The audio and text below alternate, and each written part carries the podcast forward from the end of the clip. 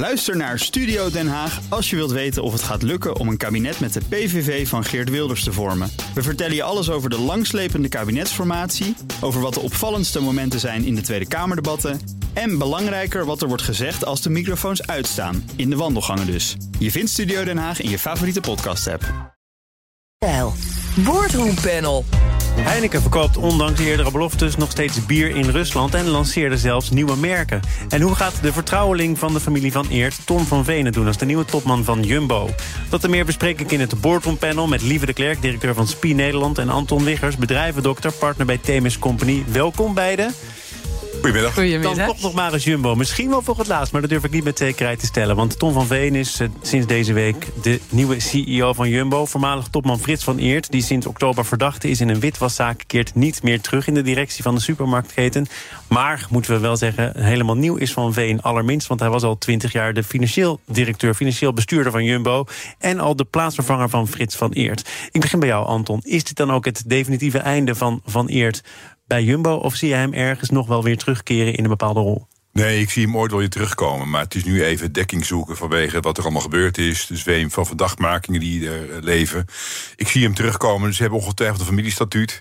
Waarin staat, nou, ik ben aandeelhouder. En hij heeft het voor te zeggen. Hij benoemt in feite ook met zijn, met zijn zus, die president-commissaris wordt, ook uiteindelijk de directie.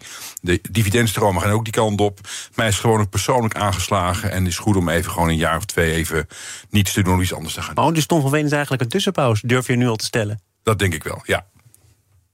Ja, ja, ik kijk daar licht anders naar. Ik, ik denk zelf. Uh, dat lees je ook in wat Tom van Veen interview zegt. Hè. Hij zegt: uh, In deze tijd hebben wij een andere stijl van leidinggeven nodig. En uh, sorry, ik lees daaruit af. die flamboyante stijl die nodig was om explosief te kunnen groeien. Nu komen we wellicht in een periode van wat meer consolidatie, van wat, wat beheer, van wat structuur. Daar is een andere soort van leiderschap voor nodig daar past op dit moment Frits van Eert niet. Past hij over twee, drie jaar? Dat blijf ik dan, dan twijfelen. Want dan krijg je toch weer een ander bedrijf. Dus... Hoort er inderdaad een heel ander type leider bij. Want ik vond het ook wel een interessante passage. Hè? Uh, Frits van Eert, coureur, trompetist. En dat mochten we ook allemaal weten. En dat vindt hij uit. Uh, dat is nu niet meer gepast. Zegt Van Veen. Ja, dat lijkt mij wel. Dat lijkt me ook niet onlogisch. Als je zo explosief gegroeid hebt, dan heb je een heel ander profiel van leider die in staat is om zo te groeien, om te kopen, om die, ja, zeg maar, die bold moves te doen, die moedige moves eh, voor, voorwaarts te doen. Het is ook niet voor niks dat ze iemand met een wat meer financieel profiel nu tot CEO benoemen. Dus ik lees ook, het is nu tijd om te leveren wat we gekocht hebben, om te bewijzen dat het ook rendabel is, om toch wat meer structuur te hebben, om wat meer te beheersen om wel eens wat processen op orde te brengen. Ze hebben ook niet het beste jaar achter zich liggen. Dus dat leid ik daaruit af. Ja, dus, uh, Anton, over twee jaar dan staan de sterren niet meteen heel anders. Nou ja, kijk, Ton van Veen is een oud gediende bij de onderneming. Als CFO geniet veel vertrouwen bij investeerders en bij de wereld waarin, zij, uh, waarin ze zitten. Hij was uh, als president of naar de Raad van Commissarissen verhuisd.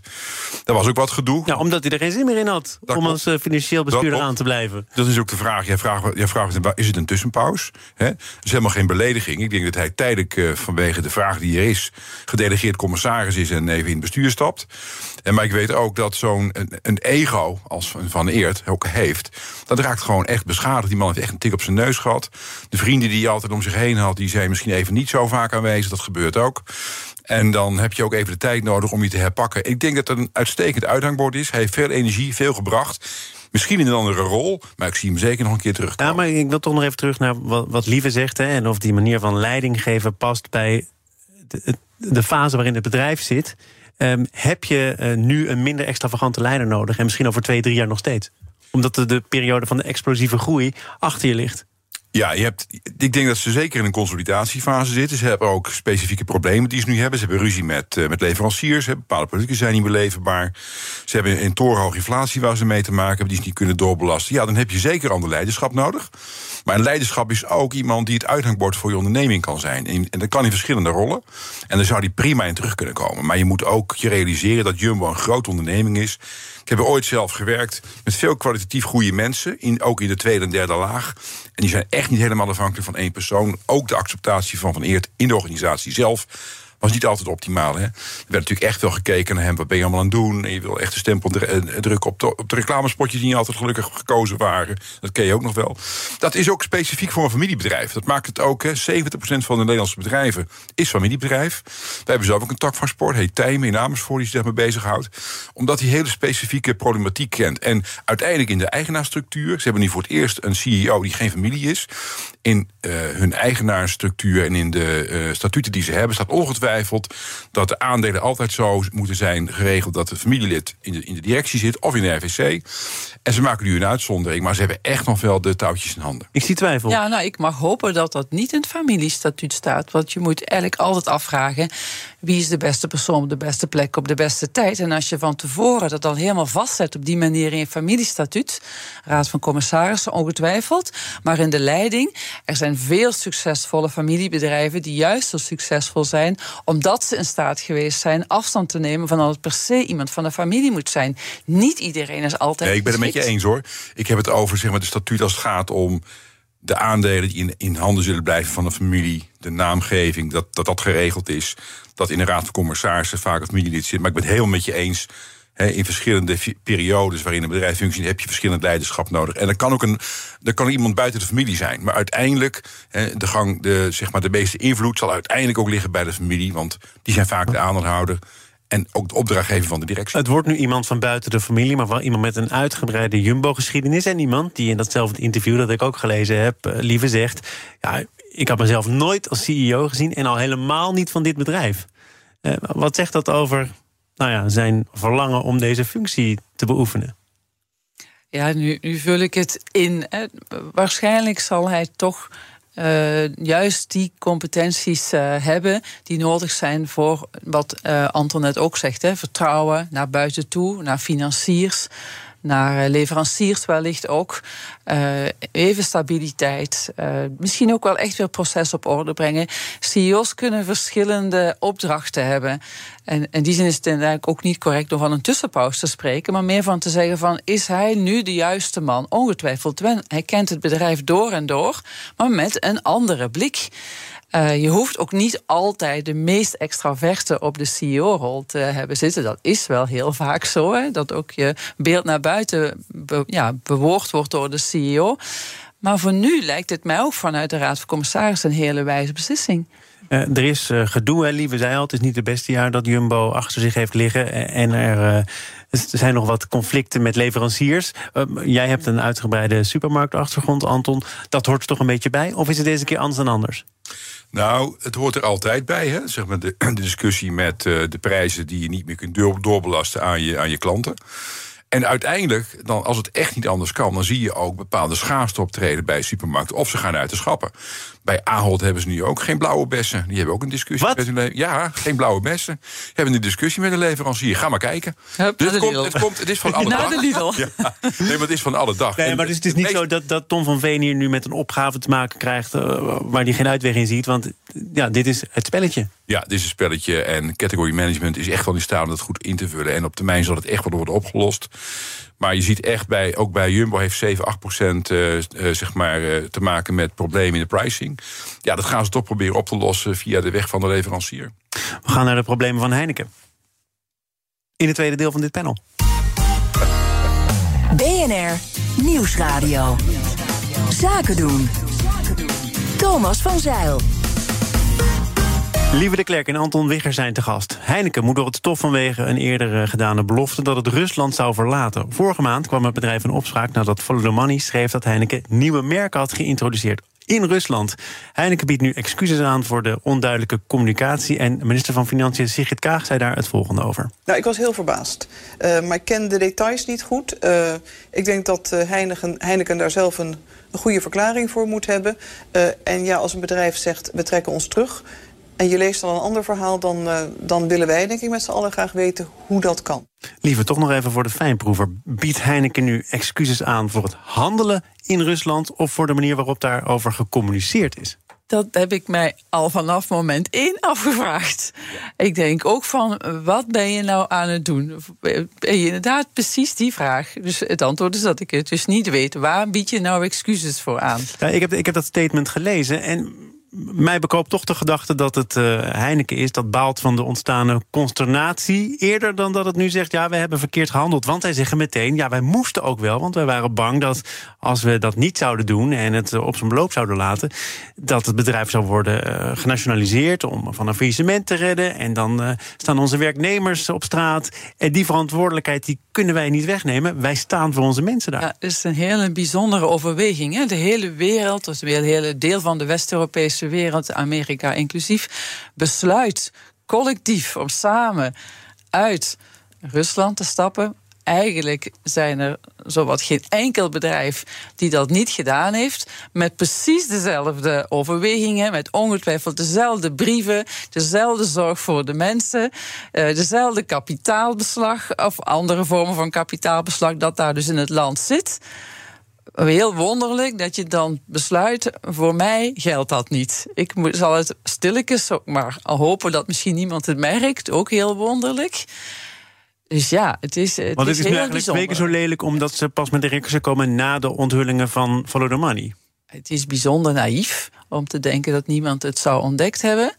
Uh, en vervolgens, inderdaad, is het nog steeds niet duidelijk.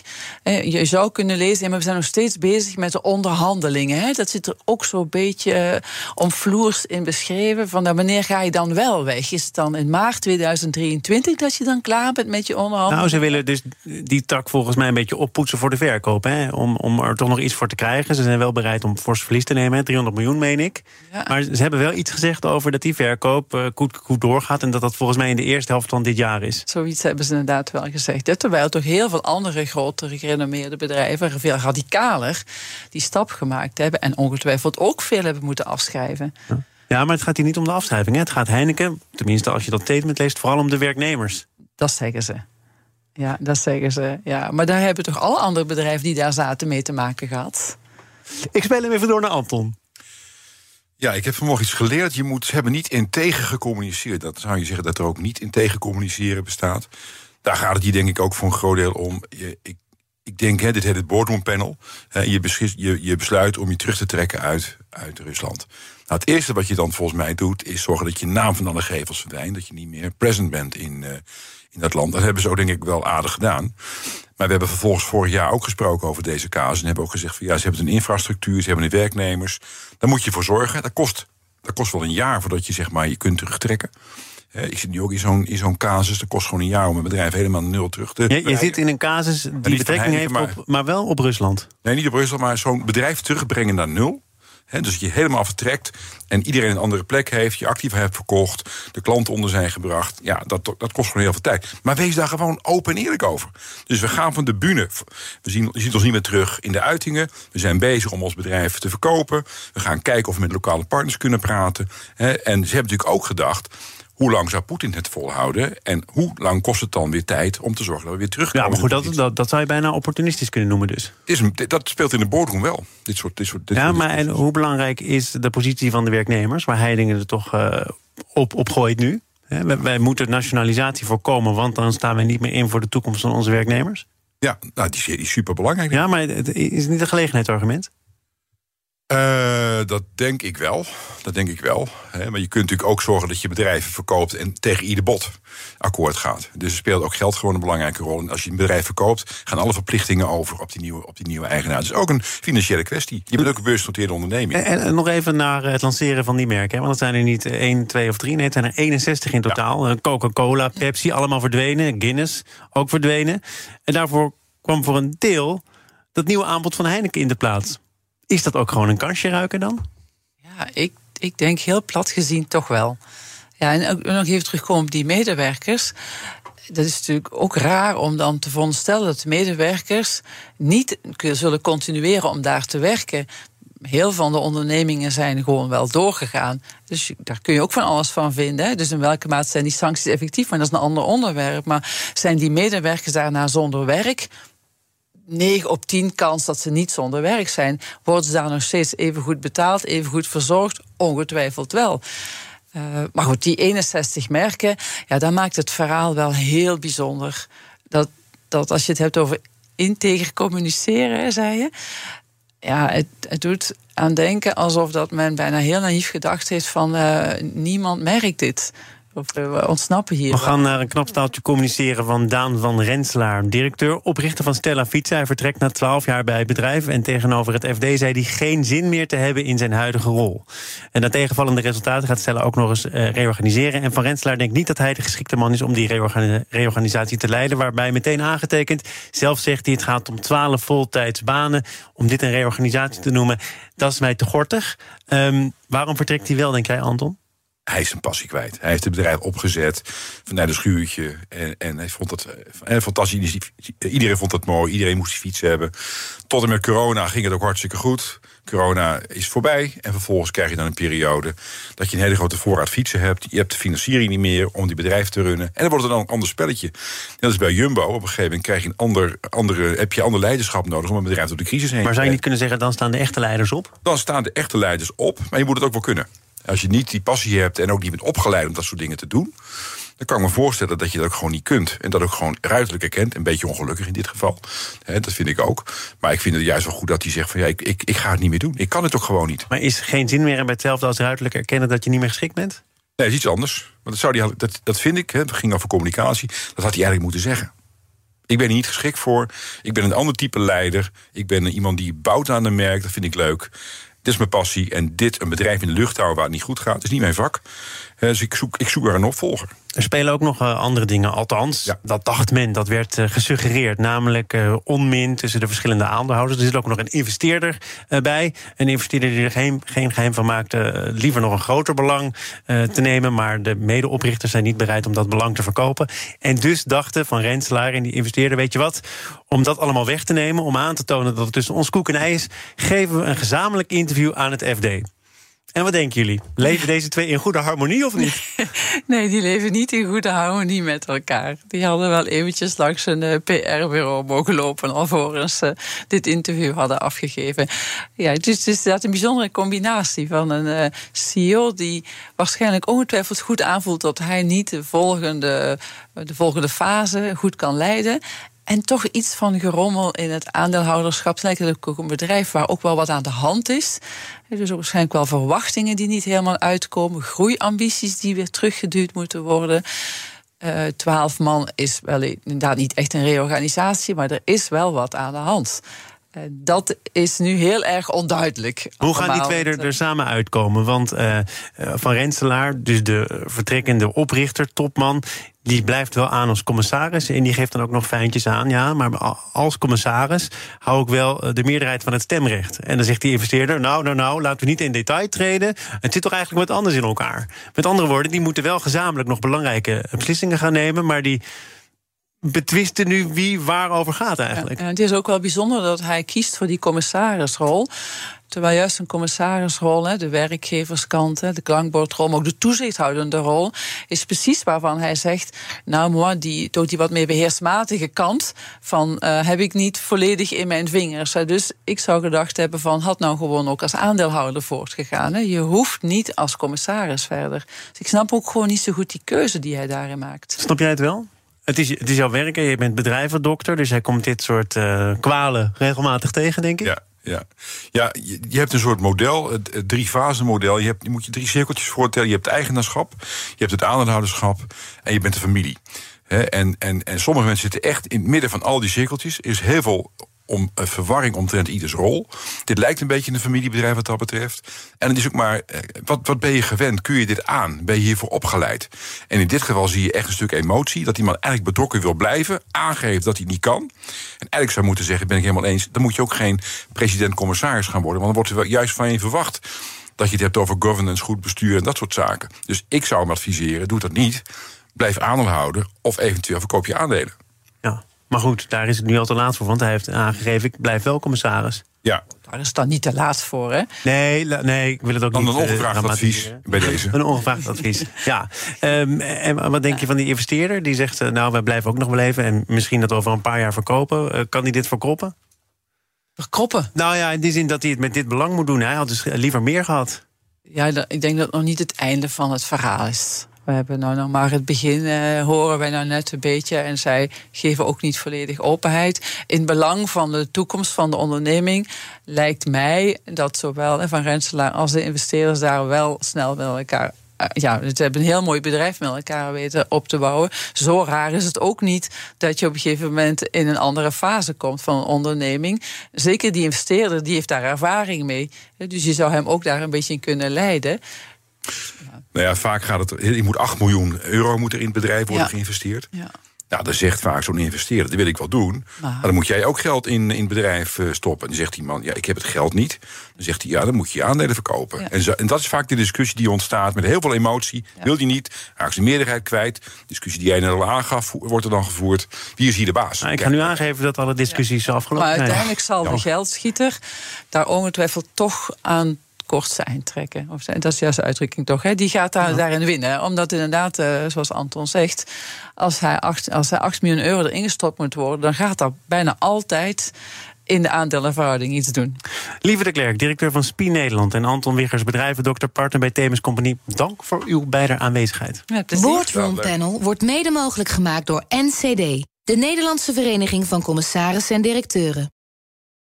Ook Bas van Werven vind je in de BNR-app. Ja, je kunt live naar mij en Iwan luisteren tijdens de ochtendspits. Je krijgt een melding van Breaking News. En niet alleen onze podcast Ochtendnieuws, maar alle BNR-podcasts vind je in de app. Download nu de gratis BNR-app en blijf scherp.